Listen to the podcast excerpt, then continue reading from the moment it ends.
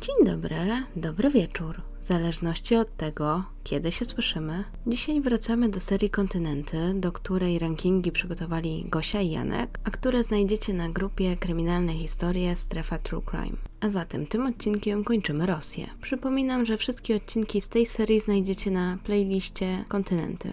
Chciałabym Wam jeszcze podziękować za ten rok, za to, że dalej tu jesteście i dalej się słyszymy, bo 25 lipca kanał Kryminalne Historie obchodził pierwsze urodziny. Bardzo Wam dziękuję wszystkim za życzenia, prezenty i słowa wsparcia. A ja już nie przedłużam i zapraszam do wysłuchania dzisiejszej historii.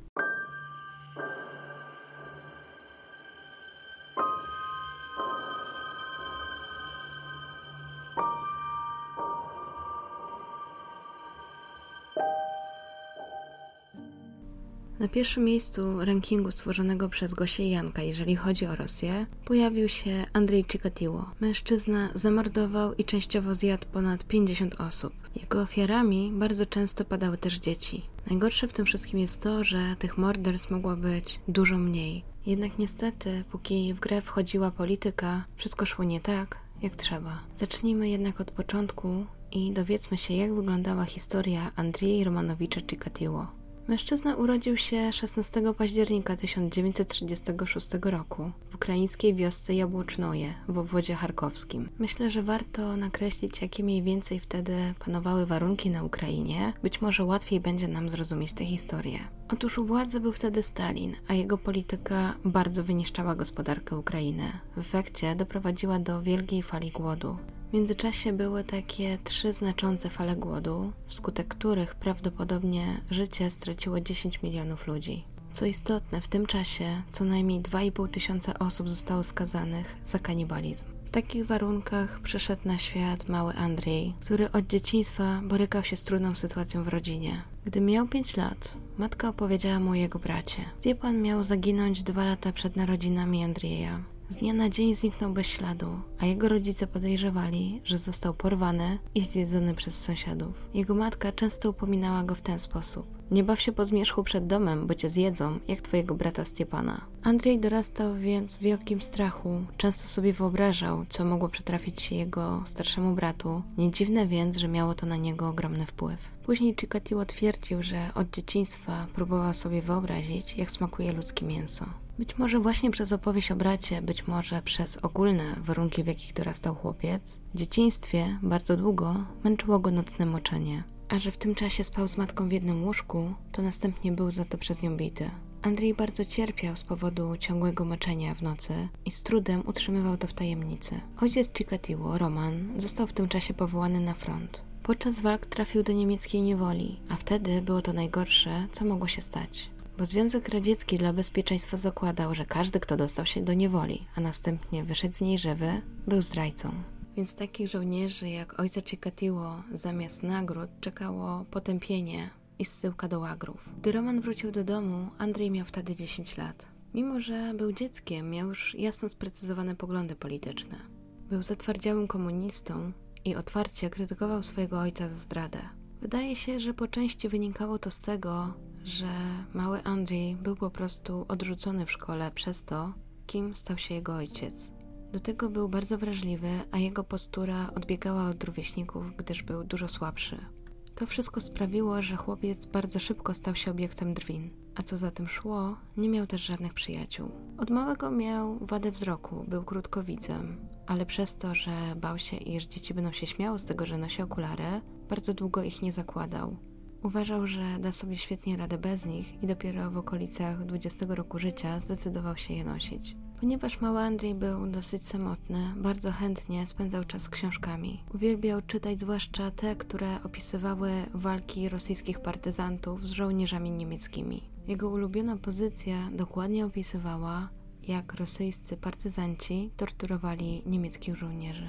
Gdy Chikatilo miał 7 lat, w 1943 roku urodziła się jego siostra. Ponieważ jego ojciec Roman był wtedy na wojnie, wiadomo było, że nie jest jego córką.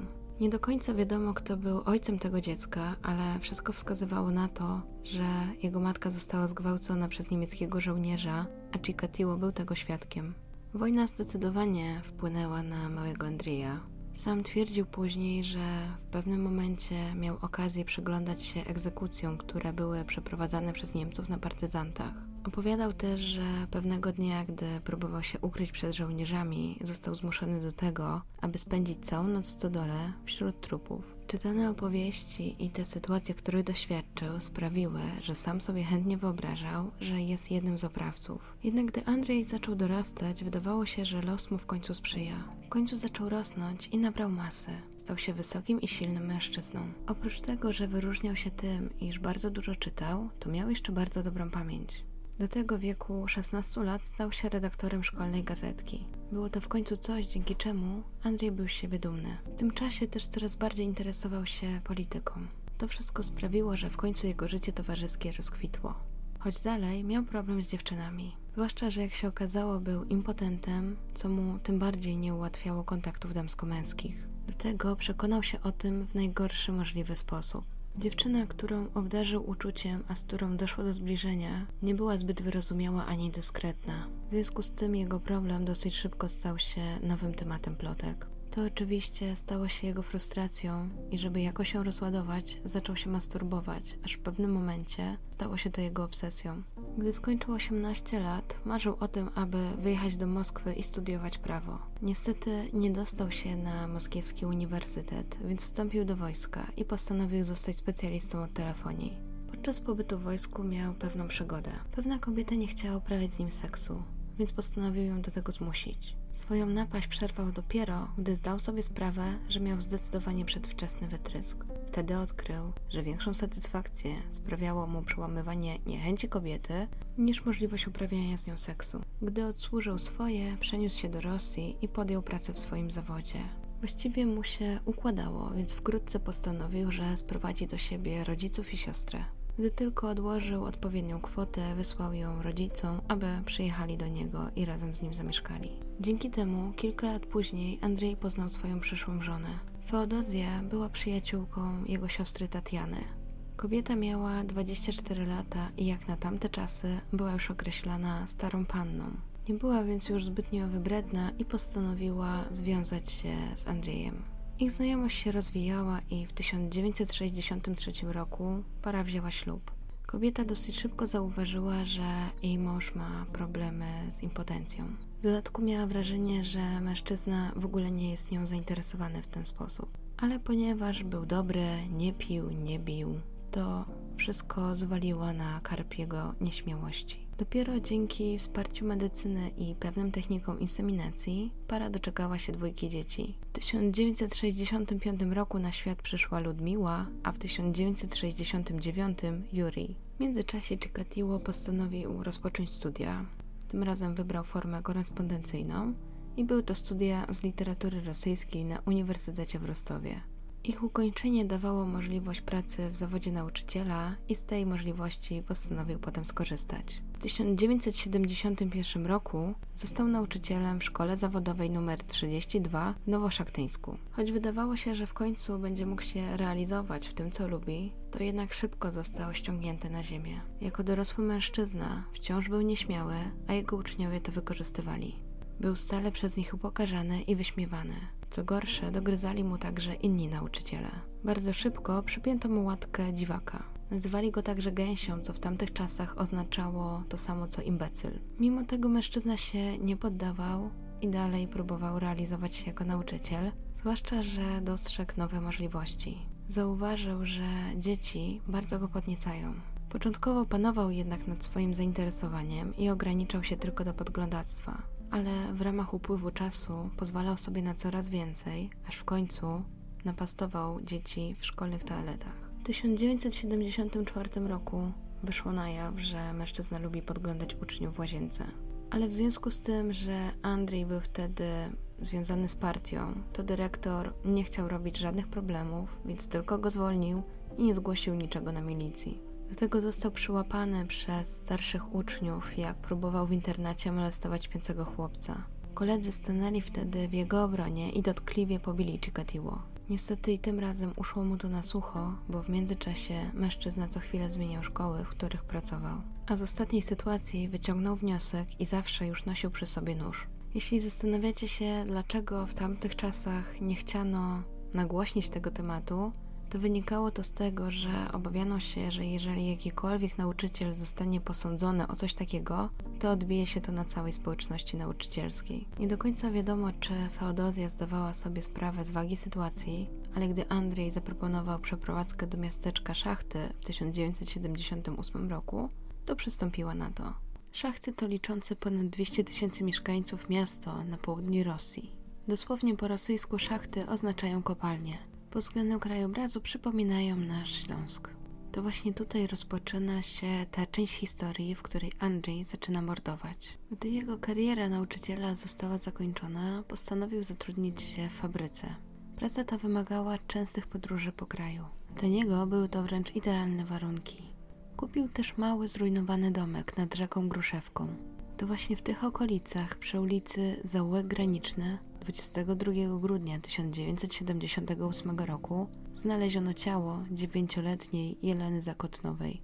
Jak się później okazało, morderca obserwował już ją od kilku dni, a nawet nawiązał z nią kontakt. Lena spotkała owego mężczyznę już kilka dni wcześniej. Tego dnia wyszła już ze szkoły i skierowała się na przystanek autobusowy. Zmierzała do domu. Spotkała tam mężczyznę, który zaoferował jej zagraniczną gumę do rzucia a wtedy był to rarytas. Następnego dnia w szkole dziewczynka pochwaliła się koleżanką, że dostała właśnie bardzo dobrą gumę do rzucia od poczciwego staruszka, jak go określiła. Mężczyzna dobrze wiedział, jak zyskać zaufanie dziewczynki, więc gdy kilka dni później zaproponował jej, że znów ją poczęstuje gumą, tylko muszą się udać do jego domu, dziewczynka zgodziła się bez wahania.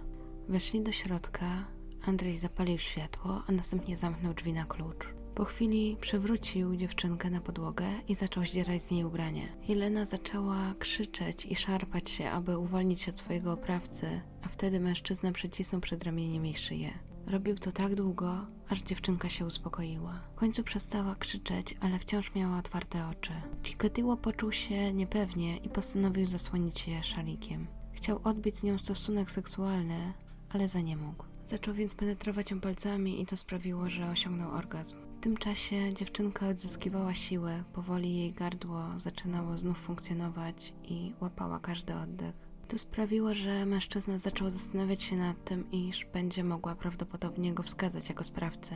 Niewiele myśląc, chwycił więc nóż i wbił go trzy razy w jej brzuch. Następnie wziął ją na ręce i wyniósł z domu w kierunku pobliskiej rzeki. Nie zwrócił jednak uwagi na to, że z jej ciała kapała krew, a ślady prowadziły prosto do jego domu. Zapomniał także zgasić światła.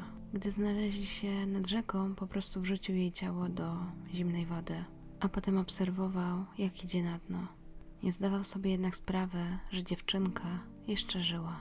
Sekcja zwłok wykazała, że dziewczynka była duszona, następnie otrzymała trzy razy pchnięcia nożem i została brutalnie zgwałcona. To morderstwo wstrząsnęło całym miasteczkiem. Milicja dosyć szybko zaczęła czynności śledcze i trafiła na świadka, który mógł im opowiedzieć jakieś szczegóły z ostatniego spotkania z dziewczynką. Tym świadkiem była Swietłana Górynkowa, która widziała Jelenę na przystanku z jakimś mężczyzną. Opowiedziała śledczym, że 22 grudnia czekała w małym miasteczku Szatki na autobus i jej uwagę zwróciła mała pulchna dziewczynka, która siedziała niedaleko. Była ubrana w czerwone palto obszyte czarnym futerkiem. Na głowie miała czapkę zrobioną z futerka królika, a na szyi wełniany szalik. Ale to, co tak naprawdę przykuło uwagę Swietłany, to to, że obok niej stał jakiś mężczyzna, który wyraźnie interesował się dziewczynką. Tak wspomina to wydarzenie. Widziałam ją wieczorem na przystanku. Miała czerwoną kurtkę. Była w towarzystwie wysokiego mężczyzny w okularach i kapeluszu. Próbował ją na coś namówić, a ona się zastanawiała. Później kiwnęła głową, jakby się zgodziła i poszli razem. Kobieta przedstawiła milicjantom dokładny opis mężczyzny, dzięki któremu mieli pierwszy punkt zaczepienia. Według niej był wysoki, raczej starszy. Miał siwe włosy, Ubrany był w długi czarny płaszcz i miał ze sobą torbę na zakupy. Jego twarz była pociągła, miał długi nos i zniszczone okulary. Swietłana nie umiała do końca sprecyzować, co tak bardzo zainteresowało ją w mężczyźnie, ale czuła jakiś niepokój i dlatego dobrze mu się przyjrzała. Po chwili jednak nadjechał jej autobus i musiała wsiąść, więc więcej już nie widziała. Po spisaniu zeznań kobiety milicjanci jak najszybciej udostępnili portret pamięciowy. Przekazano go także do placówek szkół. I co ciekawe, w jednej z nich dyrektor stwierdził, że rozpoznaje tego mężczyznę. Powiedział milicjantom, że według niego to Andrzej Chikatiło, jeden z nauczycieli, który pracował w tej szkole. Oczywiście zeznanie to zostało przyjęte, ale poproszono o dyskrecję, aby dyrektor nikomu więcej o tym nie mówił. W tym czasie milicjanci postanowili przeszukać miasto i brzeg rzeki i natrafili na ślady krwi, które, jak się okazało, prowadziły do małej drewnianej chałupy. Po sprawdzeniu jej właściciela okazało się, że jest nim owy Andrzej Chikatiło. Wydawało się, że milicjanci mają w takim razie solidnego podejrzanego. Udali się do jego domu, aby go zatrzymać. W międzyczasie dowiedzieli się jeszcze od sąsiadów, że w czasie, gdy prawdopodobnie dziewczynka była mordowana, w tej chacie paliło się światło. Wydawało się, że milicjanci mają Chikatiło na tacy, ale gdy pojawili się w jego domu, okazało się, że jego żona dała mu alibi. Zeznała, że Andrzej był z nią przez cały wieczór w dniu, gdy zaginęła Jelena. Do tego doszła polityka, czyli naciski z góry. Bo jak oddany członek partii komunistycznej z legitymacją KGB mógłby skrzywdzić niewinne dziecko? W Związku Radzieckim nie było miejsca na takie sytuacje. W takiej sytuacji milicjanci musieli odpuścić i zacząć szukać nowego podejrzanego. Owym pechowcem został Aleksander Krawczenko.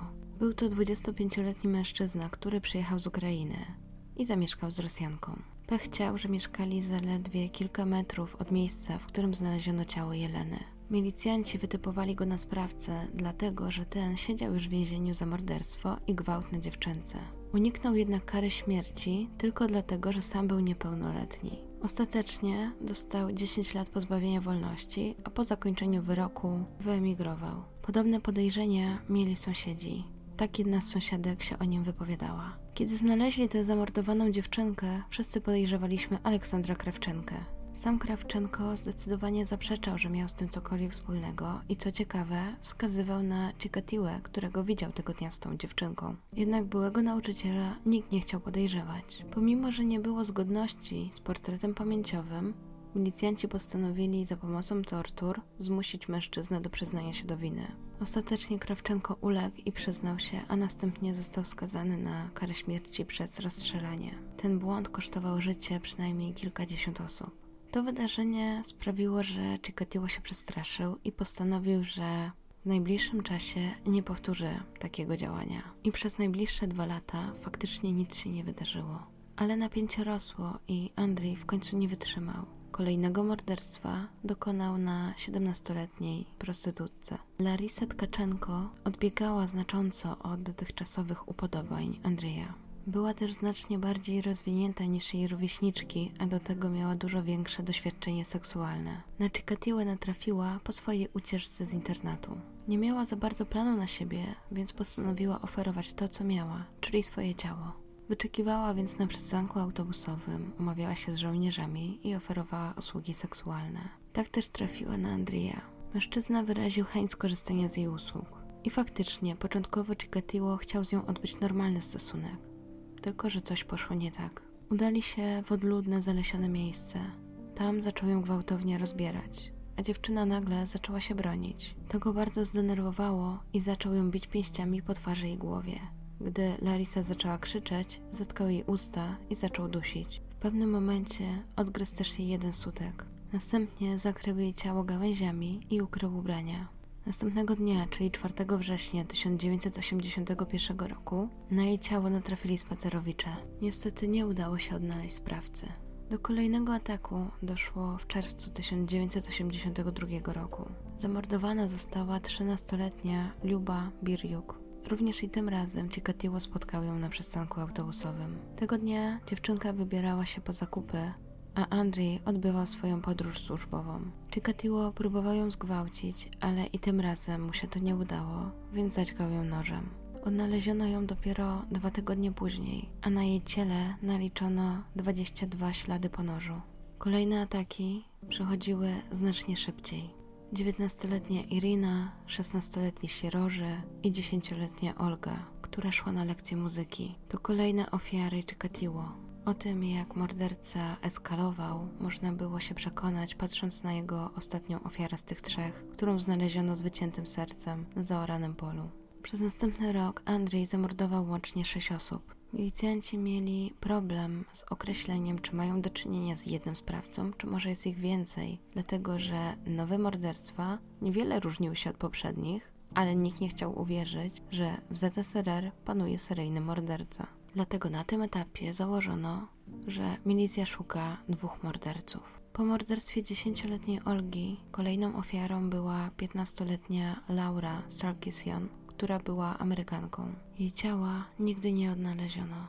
Jednak do jej morderstwa przyznał się później sam Chikatilo. Do tej pory mężczyzna nauczył się wybierać swoje ofiary. Najczęściej włóczył się po stacjach kolejowych albo przystankach autobusowych i wypatrywał, kogo mógłby zaczepić. Często wybierał też osoby, których prawdopodobnie nikt by nie szukał, bo na przykład uciekły z domu i żyły na ulicy. W końcu nikt nie prowadził rejestru takich osób. Nim przyszło następne lato, Andrzej zabił kolejne trzy osoby. 24-letnią Ludę, niezidentyfikowaną kobietę wieku między 18 a 25 lat i siedmioletniego chłopca.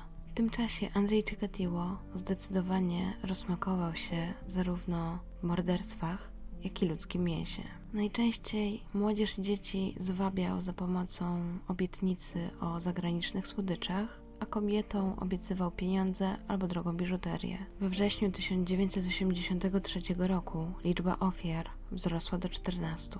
W związku z tym, że wśród ofiar było coraz więcej dzieci, postanowiono skierować do sprawy majora Michaiła Fetisowa. Mężczyzna bardzo sumiennie podszedł do śledztwa i po paru dniach przesłał raport do swoich zwierzchników. Odniósł się w nim bardzo negatywnie do pracy rostowskiej milicji, a do tego zasugerował, że za wszystkie te morderstwa odpowiedzialny jest jeden mężczyzna.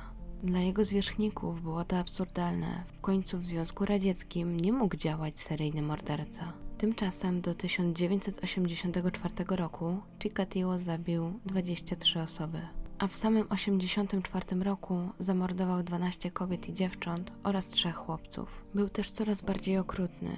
Kobietom odcinał piersi i inne fragmenty ciała, chłopcom odkrajał genitalia. Jego najmłodszą ofiarą był siedmioletni chłopiec, a najstarszą 44-letnia kobieta, bezdomna alkoholiczka. Była to jedyna ofiara, która tak znacząco odbiegała od jego preferencji. Do tej pory jego modus operandi wyglądało w następujący sposób. Na miejscu śledczy odnajdywali ślady prób odbycia stosunku, rany kłute, okaleczenia narządów płciowych i spermy napastnika. Do tego morderca gryzł swoje ofiary. Często też odcinał fragmenty ich ciała. Wycinał m.in. macicę, o której twierdził, że bardzo lubi ją pogryzać, bo jest różowa i mięsista, choć oficjalnie nigdy nie potwierdził, że zjadł macicę. Chikatilo pozbawiał też swoje ofiary oczu. Wierzył, że gdy dana osoba umierała, to na siatkówce oka utrwala się ostatni obraz, czyli twarz mordercy i chciał temu zapobiec. W związku z taką skalą morderstw powołano specjalną grupę milicjantów do zbadania tej sprawy. Na jej czele stanął Wiktor Bukarow, na czas śledztwa zostało utworzone specjalne biuro w Rostowie. Zespół okrzyknięto działem szczególnie niebezpiecznych przestępstw. Milicjanci przeanalizowali działania potencjalnego mordercy i uznali, że nie może tego dokonywać zdrowa osoba. Dlatego za cel obrali akta pacjentów szpitali psychiatrycznych. Interesowali ich zwłaszcza ci, którzy w swojej historii byli już skazywani za przestępstwa na tle seksualnym. Każda taka osoba była następnie przesłuchiwana i pobierano od niej próbkę krwi. W momencie, gdy otrzymywano zgodność między próbką znalezioną na miejscach zbrodni, a próbkami od przesłuchiwanych osób, to zatrzymywano ją do kolejnych przesłuchań. Jednak wydawało się, że te działania nic nie dają, bo morderca zabijał dalej. W związku z tym założono, że w takim razie może morderca pracuje jako kierowca w jednej z pobliskich fabryk. Milicjanci zaczęli więc kolejne pracochłonne przesłuchania, podczas których sprawdzano każdego, kto miał prawo jazdy i był zatrudniony jako kierowca. W sumie przesłuchano już ponad 150 tysięcy ludzi i dalej nic to nie dało, bo w czasie, gdy milicja wykonywała swoje rutynowe czynności, ofiar przybywało. Nieustannie odkrywano kolejne zwłoki, zwłaszcza w okolicach Rostowa, Szachtów i Nowoszachteńska. Ale na tym etapie milicjanci robili wszystko, aby ukryć to przed mieszkańcami. Dużym problemem było także to, że organy ścigania były tak naprawdę cały czas wstrzymywane przez władze radzieckie. Między innymi cały czas starano się trzymać pozory, Pilnowano, aby mordercy nie szukano wśród członków Komunistycznej Partii Związku Radzieckiego. Nie można było w końcu prowadzić działań, które by ją osłabiły, a jakby to wyglądało, gdyby okazało się, że jeden z członków był pedofilem i mordercą? Po drugie, idea była taka, aby ZSRR był państwem idealnym. Nie było więc miejsca na seryjnego mordercę. Jednak była to tylko kwestia czasu, zanim informacje o kolejnych ofiarach zaczęły dopływać do mieszkańców. Wszystkie miasta huczały od plotek. W związku z tym władze nie mogły już dłużej udawać, że nic się nie dzieje. Końcu pozwolono przyznać, że prawdopodobnie za te wszystkie morderstwa odpowiedzialna jest jedna osoba. Teraz trzeba było stworzyć jej profil. Detektyw Burakow nie miał jednak łatwego zadania. Wzywał wielu psychiatrów i innych specjalistów, ale praktycznie nikt nie chciał przyjąć takiego zadania. Wzwanie to przyjął tylko jeden psychiatra, Aleksander Bukanowski. Tylko, że trudno było coś powiedzieć o sprawcy, gdyż milicja miała mało dowodów. Psychiatra jednak potwierdził, iż mężczyzna był dewiantem seksualnym, miał popularną grupę krwi, był między 25 a 50 rokiem życia, nosił buty rozmiaru 44 lub więcej i miał około 1,75 m wzrostu. Bukanowski oszacował także, że morderca prawdopodobnie ma jakieś problemy z impotencją. Uznał to też za przyczynę jego brutalności. Po krótkim czasie zatrudniono także dodatkowych ludzi, którzy mieli patrolować stacje kolejowe i przystanki autobusowe. Najwięcej odesłano do Rostowa. Wynikało to z tego, że w tym miejscu miały miejsce ostatnie dwa morderstwa. Do zarządzania tymi osobami wytypowano Aleksandra Zanowskiego, miejscowego inspektora milicji. Wszyscy dostali takie zadanie, że mają uważnie obserwować mężczyzn, którzy zaczepiają dziewczęta i chłopców. W trakcie tych patroli zwłaszcza jeden mężczyzna zwrócił uwagę Zanowskiego. Był to mężczyzna w średnim wieku, nosił okulary i chodził bez celu, przeglądając się zwłaszcza dziewczynkom. Ostatecznie inspektor zdecydował się na to, aby wylegitymować mężczyznę. To, co rzuciło mu się w oczy, to jego wyraźne poddenerwowanie. W międzyczasie sprawdził jego dokumenty, potwierdził, że wykonuje wolny zawód, który był związany z KGB. Wyglądało na to, że wszystko jest w porządku, więc Zanowski jedyne co mógł zrobić to puścić zatrzymanego. Ale postanowił, że zapamięta tego dziwnego mężczyznę, który nazywał się Andrzej Czekatiło.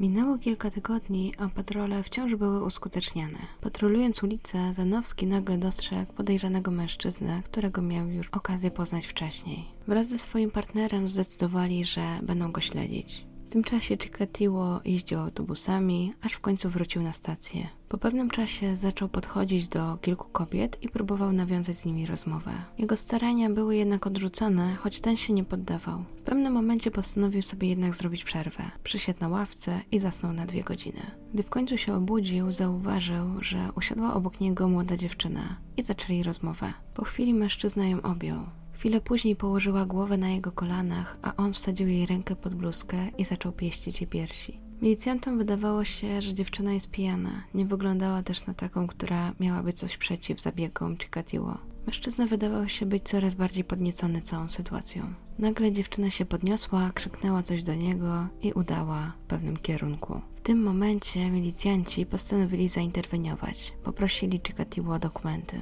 Cała ta sytuacja sprawiła, że mężczyzna zaczął się bardzo denerwować i pocić. W związku z tym milicjant poprosił go o to, aby pokazał mu zawartość swojej teczki. A tam miał kawałek sznurka, mydło, wazelinę i nóż kuchenny. Milicjant zapytał, do czego wam wazelina, obywatelu? Chikatilo odpowiedział, używam zamiast kremu do golenia. A sznurek? dopytał milicjant. Noszę na wszelki wypadek do wiązania różnych rzeczy. Te odpowiedzi nie do końca usatysfakcjonowały milicjantów i zdecydowali oni się na to, aby mężczyznę w końcu zatrzymać. Istotne jednak było to, że nie można było trzymać podejrzanego dłużej niż 72 godziny. Wiadomo było jednak, że tyle czasu to za mało, aby zebrać odpowiednie dowody, by móc oskarżyć Chikatilo te wszystkie morderstwa. W związku z tym zdecydowano, że należy go aresztować pod zarzutem napastowania kobiety w miejscu publicznym, za co miał otrzymać 15 dni aresztu tym czasie śledztwo w jego sprawie toczyło się dalej. Między innymi natrafiono na wzmiankę o tym, że Mężczyzna miał już w swojej historii kradzież rolki linoleum i akumulatora z zakładu pracy, a kradzież była wciąż surowo karana w Związku Radzieckim. Był to punkt zaczepienia, dzięki któremu milicjanci mogli zatrzymać Chikatilo na kolejne kilka miesięcy. Śledztwo wykazało także, że mężczyzna miał skłonność do dzieci, zwłaszcza małych dziewczynek. Na jaw wyszły także jego próby molestowania dzieci, gdy był nauczycielem oraz to, że został właśnie z tego powodu wyrzucony ze szkoły. Pobrano także od niego próbkę krwi i oznaczono, że jego grupa krwi to A. Tylko, że kolejne badanie wprowadziło trochę chaosu do tego wyniku, bo z kolei wyszło, że ma grupę AB. Na szczęście pobrano także próbki spermy, włosów i śliny i one były bardziej decydujące. Choć milicjanci mieli już solidne powiązanie Chikatilo z miejscami zbrodni, to wciąż nie udało się znaleźć narzędzia zbrodni. W tym czasie zapadł też wyrok za kradzież dla Chikatilo i otrzymał on rok pozbawienia wolności. Został także wykluczony z partii komunistycznej. I choć wydawało się, że milicjanci są o krok od złapania sprawcy, to jednak coś poszło nie tak, bo w grudniu 1984 roku, po odbyciu kary tylko przez trzy miesiące, mężczyzna został wypuszczony z więzienia. Zanosowski zdecydowanie się z tym nie godził i uważał, że Chikatilo jest tym seryjnym mordercą, którego szukają, ale rozkazy przyszły z góry i został przeniesiony do innych zadań za zbyt gorliwe wypełnianie swoich obowiązków. To wydarzenie sprawiło, że Andrzej na chwilę powstrzymał się od mordowania. Wytrzymał aż do 1 sierpnia 1985 roku, kiedy to udał się do Rostowa pociągu poznał 18-letnią dziewczynę, która była umysłowo opóźniona. Zaproponował jej wspólne picie wódki za to, aby wysiadła z nim na następnej stacji. Dziewczyna się zgodziła, a następnie udali się razem do pobliskiego lasu. To, co wydarzyło się później, było w zasadzie przewidywane dla Chikatilo, bo chwilę później dziewczyna była już martwa. Na jej ciele naliczono 38 ran kłutych. Wracając do domu, poznał kolejną kobietę. Było to już na dworcu autobusowym w szaktach. Kobieta była bezdomna, nie miała gdzie spać, a mężczyzna postanowił zaoferować jej mieszkanie w zamian za seks. Zapłata miała być z góry, więc poszli do lasu. Tylko, że pojawił się pewien problem. Chikatilo znów miał problem z osiągnięciem reakcji, a na swoje nieszczęście kobieta zaczęła się z niego śmiać. Chwilę później już nie żyła. Było to ostatnie morderstwo, jakiego dokonał w 1985 roku. W tym czasie śledztwo w sprawie tajemniczego seryjnego mordercy trwało nadal, a śledztwu nadano kryptonim Pas Leśny. Nazwa ta została nadana ze względu na miejsca, w których znajdowano ciała. Zorganizowano także akcję, w której brały udział młode policjantki. Miały one krążyć incognito po ulicach i czekać, aż zaczepi je podejrzany mężczyzna. Niestety nie przyniosło to pożądanych rezultatów. Postanowiono więc ugryźć temat inaczej. Okazało się, że w pobliżu wielu miejsc zbrodni znajdował się szpital psychiatryczny. Założono więc, że być może to jeden z jego pacjentów. I wydawało się, że była to dobra decyzja, bo wkrótce potem zatrzymano chorego psychicznie mężczyznę, który twierdził, że wraz ze wspólnikami morduje kobiety i dzieci. Na tyle chętnie współpracował, że nawet podał nazwiska tych wspólników. W efekcie aresztowano pięciu mężczyzn. Co bardziej zadziwiające, oni również przyznali się do udziału w tych morderstwach, a roboczo nazwano ich gangiem obłąkanych. Tylko, że pojawił się pewien problem, bo gdy wszyscy mężczyźni byli w areszcie, znaleziono kolejne ciało. Tym razem były to zwłoki 19-letniej Wiery Szewczuk z odciętymi piersiami. Zdecydowano, że do tej sprawy przydzielony zostanie Isak Ostojew. Był to pracownik Wydziału do Spraw Nadzwyczajnych Radzieckiej Prokuratury Generalnej i zasłynął z tego, że doprowadził do ujawnienia afery korupcyjnej wśród prokuratorów na wysokim szczeblu. Wydawało się, że jest to ostatnia deska ratunku.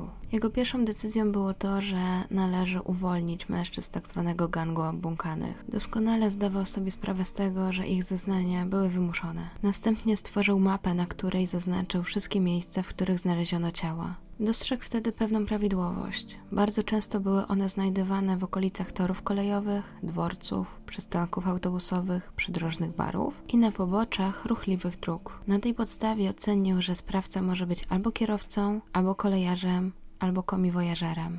Na podstawie ran, jakie były zadawane ofiarom, nie wykluczał także lekarza albo milicjanta. Dokładnie prześwietlono także wszystkich przestępców, którzy zostali skazani na tle seksualnym. Seksuolodzy mieli także dostarczać listy swoich pacjentów, zwłaszcza tych, którzy mieli jakieś choroby weneryczne. Wynikało to z tego, że u jednej z ofiar znaleziono wszy łonowe. Sprawdzano także wszystkich pracowników kolei. Obserwowano nocne lokale i sklepy z kasetami porno. Kostojew był bardzo dokładny i sprawdzał wszystko, co tylko mogłoby doprowadzić do zatrzymania mordercy. Po sprawdzeniu tych wszystkich śladów, Iza Kostojew zdecydował się, aby wypuścić kolejne tzw. Tak przynęty. Do tego wytypował atrakcyjne milicjantki i młode funkcjonariusze, którzy mieli wpisywać się w profil ofiary. Do tej pory udało się już przesłuchać 300 tysięcy osób ale Chikatilo nie zamierzał drugi raz dać się złapać i postanowił, że na dwa lata zamilknie. Swoim rządzom dał upust dopiero w maju 1987 roku. Podczas pobytu w miasteczku Redwa w górach Kaukazu zabił 13-letniego chłopca. W lipcu w czasie swojej podróży na Zaporoże na Ukrainie zabił kolejnego. Ciało znaleziono w lesie, a atak był tak brutalny, że sprawca złamał nóż. Następnie udał się do Leningradu, gdzie popełnił kolejne morderstwo. I tym razem zginął chłopiec. Miał rozcięty brzuch i odgryzione genitalia.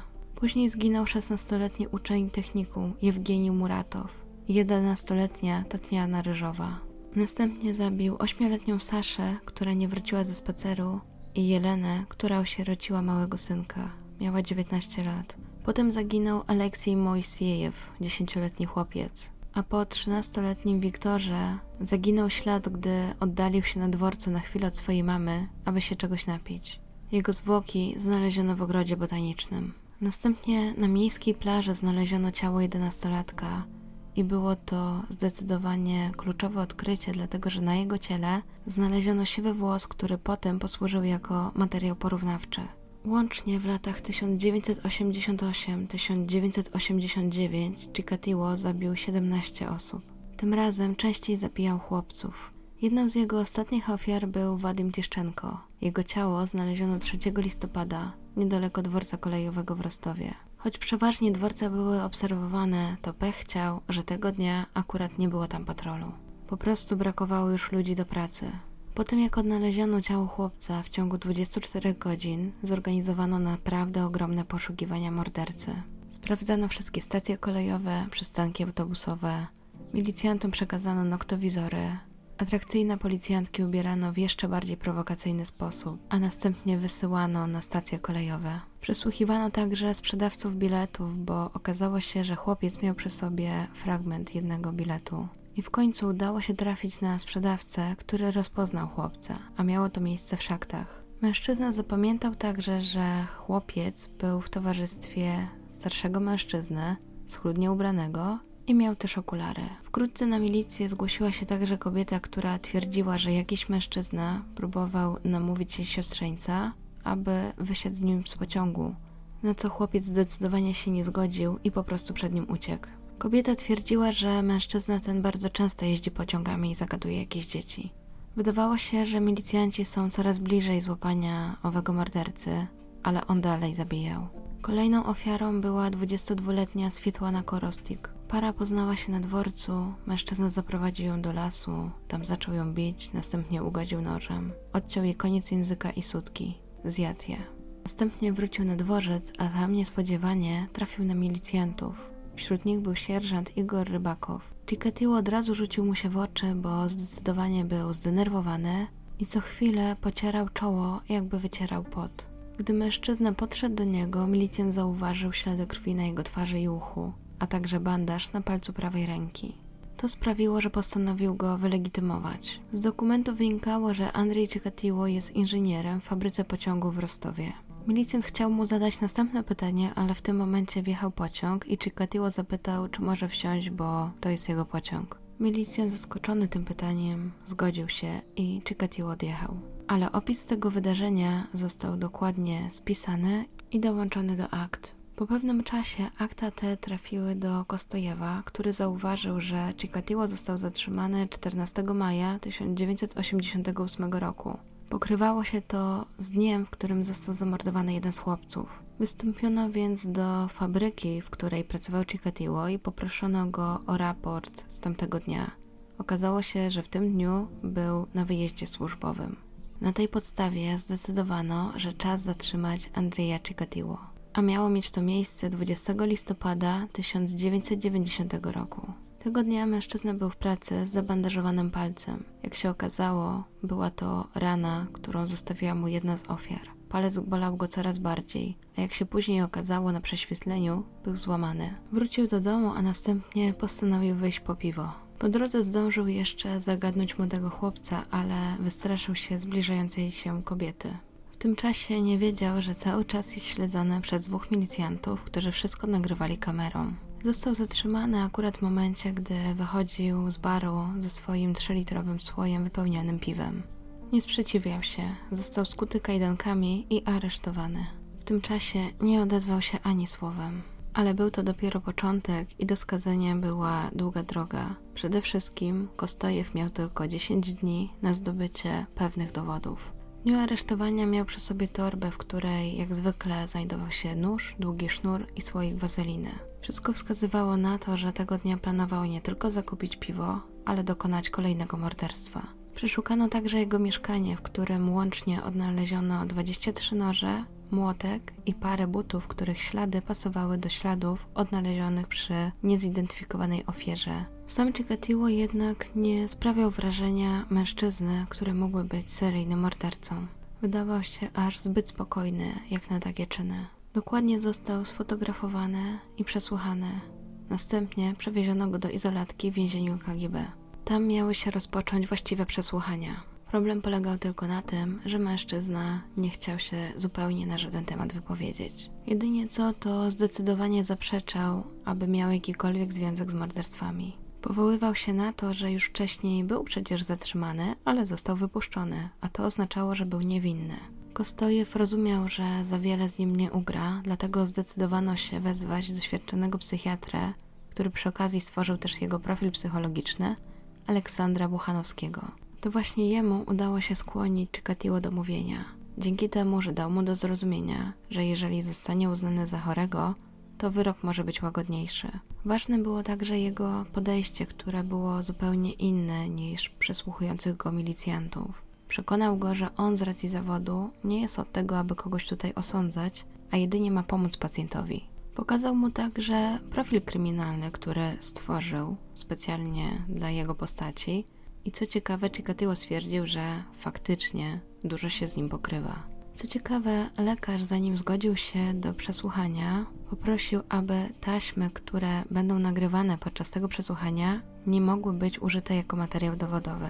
Niedługo po tym lekarz zaczął wypytywać go o zbrodnie, a po chwili Andrzej zaczął opowiadać prawdziwą historię swoich morderstw. Wkrótce do pokoju wszedł Kostojew i to on przejął przesłuchanie. Wyznanie jego wszystkich zbrodni trwało aż do 5 grudnia. Andrzej opisał ze szczegółami, jak brutalnie zabił 34 osoby z 36, o których morderstwo później zostało oskarżone. Kolejne dwa przypadki opisał później. Podawał wszystkie szczegóły: gwałty, rozczłonkowanie zwłok, zjadanie części ciała, picie krwi.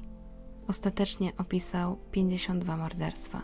Po chwili przypomniał sobie jeszcze o 20-letniej Litwince, którą zamordował w 1984 roku i wtedy przyznał się do zamordowania 53 osób. Co ciekawe, wszyscy, którzy mieli z nim kontakt, opisywali go jako zupełnie zwyczajnego mężczyznę, spokojnego, przeciętnego. Nie było w nim żadnej agresji. W 1991 roku Chikatilo zbadał psychiatra Andrzej Tkaczenko. Po dwóch miesiącach zdecydował, że mężczyzna był świadomy swoich czynów i może być pociągnięty do odpowiedzialności. Tak go opisał. Psychopata cierpiący na ograniczoną demencję i wypaczony popęd seksualny połączony z manią sadystyczną. Psychiatra ustalił także, że mężczyzna ma nienaturalny zapis EEG i poważne uszkodzenie mózgu. Jednak według psychiatry wolna wola mordercy nie była naruszona. Z kolei społeczeństwo tylko częściowo zgadzało się z tą tezą, bo nikt nie chciał uwierzyć, że ktoś, kto dopuścił się takich czynów, jest zdrowym człowiekiem. Chcieli go ukarać i to jak najsurowiej. Proces rozpoczął się 14 kwietnia 1992 roku w Rostowie nad Donem. Co ciekawe, cztery miesiące wcześniej przestał istnieć ZSRR. W akta sprawy wchodziło 220 tomów dotyczących 52 zabójstw. Co prawda odnaleziono 53 ciała, ale w kwestii jednego z nich sąd uznał, że ma za mało dowodów. Andrzej Chikatiło został ogolony na łyso i usadzony w klatce. Wynikało to z tego, że na sali były rodziny ofiar, które były gotowe do szturmu na niego. Sam Andrzej był cały czas spokojny. Sędzia pozwolił, aby media uczestniczyły w procesie. Dziennikarze mieli także wgląd w materiał dowodowy. I było to zaskakujące, bo do tej pory takie rzeczy w Związku Radzieckim się nie odbywały. Później jednak ten ruch sędziego został skrytykowany, dlatego że prasa uznała mężczyznę winnym, zanim odczytano wyrok. Samo odczytanie aktu oskarżenia trwało dwa dni. 16 kwietnia sąd udzielił głosu Chikatilo. Andrzej mówił przez dwie godziny. Często bardzo niezrozumiale, jakby chciał udawać, że jest chory umysłowo. Proces trwał jednak dalej. W pewnym momencie zaczął nawet krzyczeć, że w jego klatce są szczury, albo że jest wysoki stopień napromieniowania i on nie może tutaj zostać. Gdy i to nie poskutkowało, to postanowił zdjąć z siebie ubranie i wyjąć swojego penisa, a następnie wymachiwać przed tłumem i krzycząc: Patrzcie na tę bezużyteczną rzecz. Jak myślicie, co mógłbym z nią zrobić? Aby zapobiec takim kolejnym wybrykom, założono mu już kajdanki. Czasami mówił też sensem, opowiadał m.in. o dzieciństwie i trudnych czasach, w których dorastał, o odrzuceniu i okrucieństwie wobec niego. Był także zły na los, że sprawił, iż był impotentem. Z kolei chwilę później potrafił wybuchnąć szyderczym śmiechem i symulował urojenia. Jego adwokat próbował tłumaczyć sędziom, że zachowanie jego klienta to dowód na niezrównoważenie psychiczne, więc nie powinien być sądzony, mimo opinii psychiatrów, że jest zdrową osobą. Sąd jednak oddalił ten wniosek, a proces trwał jeszcze pół roku, aż ogłoszono wyrok. Podczas ogłaszania wyroku sala sądowa była wypełniona po brzegi. Kiedy odczytano, że sąd skazuje winnego na karę śmierci, wśród zgromadzonych rodzin ofiar i publiczności rozległy się oklaski. Media określiły go sowieckim Kubą rozpruwaczem. Pojawił się też rzeźnik z Rostowa. Określono go jako pedofila, nekrofila, kanibala i mordercę. Chikatilo próbował jeszcze skarżyć się na sędziego, że ten był stronniczy, ale tego zarzutu nie uwzględniono. Gdy sędzia zbierał się do opuszczenia sali, ktoś z tłumu postanowił rzucić w kierunku Chikatilo w klatce krótką metalową rurkę. Minęła ona o kilkanaście centymetrów głowę Andrzeja. Jak się później okazało, napastnikiem był brat jednej z ofiar. Oficjalnie 15 października 1992 roku Andrzej Romanowicz Chikatilo został uznany winnym popełnienia 52 morderstw. Wychodząc z sali, odwrócił się do sędziego i krzyknął: Oszustwo, nie będę słuchał twoich kłamstw. 16 miesięcy później, 14 lutego 1994 roku, Andrzej został zabity strzałem w tył głowy. Na okładce jednej z książek, tuż przed śmiercią, napisał: Dziękuję wszystkim, którzy cierpieli razem ze mną. Proszę Boga, żeby więcej na ziemi nie było już takich jak ja, chorych i przestępców. Co ciekawe, jego syn nie do końca wierzył w to, że jego tata był seryjnym mordercą. Tak o nim mówił. Tata nie umiał nawet zwierzęcia zabić. Kiedyś mama przyniosła żywą kurę z bazaru i trzeba było jej głowę odrąbać. Dali ojcu tasak, żeby to zrobił, ale nie dał rady i trzeba było kurę zanieść do sąsiada. Ale niespełna dwa lata po wykonaniu wyroku syn zbrodniarza został skazany na dwa lata kolonii karnej za wymuszenia. Za kratki trafił jeszcze dwukrotnie, za napad z bronią w ręku i próbę zabójstwa. Na cześć swojego ojca nazwał syna Andrzejem. Z kolei jego dawni sąsiedzi z szacht wpadli swego czasu na pomysł, że przy ulicy, gdzie swego czasu mieszkał Andrzej, postawić tablicę pamiątkową.